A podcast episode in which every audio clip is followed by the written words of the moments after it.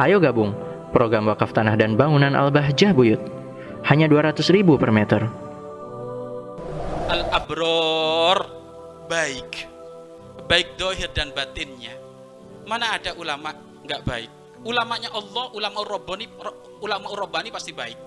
Jangankan beliau ngomong, jangankan akhlak, dipandang itu sudah sejuk. Dipandang itu sudah sejuk, masya Allah.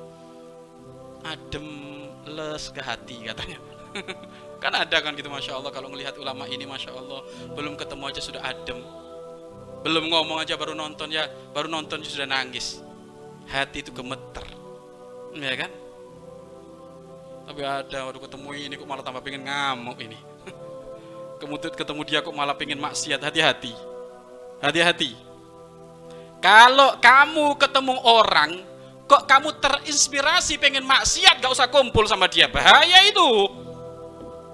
Sehingga kalau melihat temennya itu waduh pelanggaran apa lagi? Loh bahaya itu. Gak usah ditemenin itu. Harusnya ketemu teman tuh masya Allah.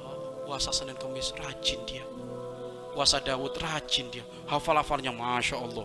Mufrodat masya Allah. Satu juta mufrodat dia hafal.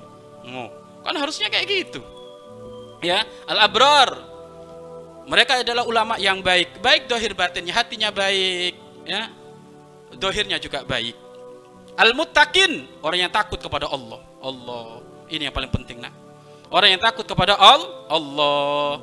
Pelanggaran kemaksiatan yang terjadi di muka bumi ini karena semata-mata sebabnya nggak takut kepada Allah Allah.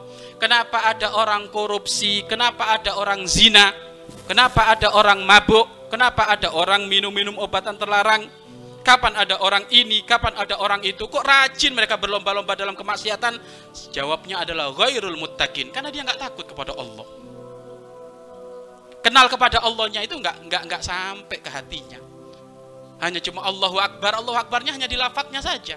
Allah hanya di lafadznya saja, nggak sampai masuk ke dalam hatinya. Kalau kenal Allah sesungguhnya, ia akan mikir ya Allah, kuburan itu sempit, sudah sempit, masya Allah. Tiga hari ada di situ, perut sudah meletus, keluar belatung. Satu minggu tambah hancur itu, le, nanahnya keluar semuanya itu.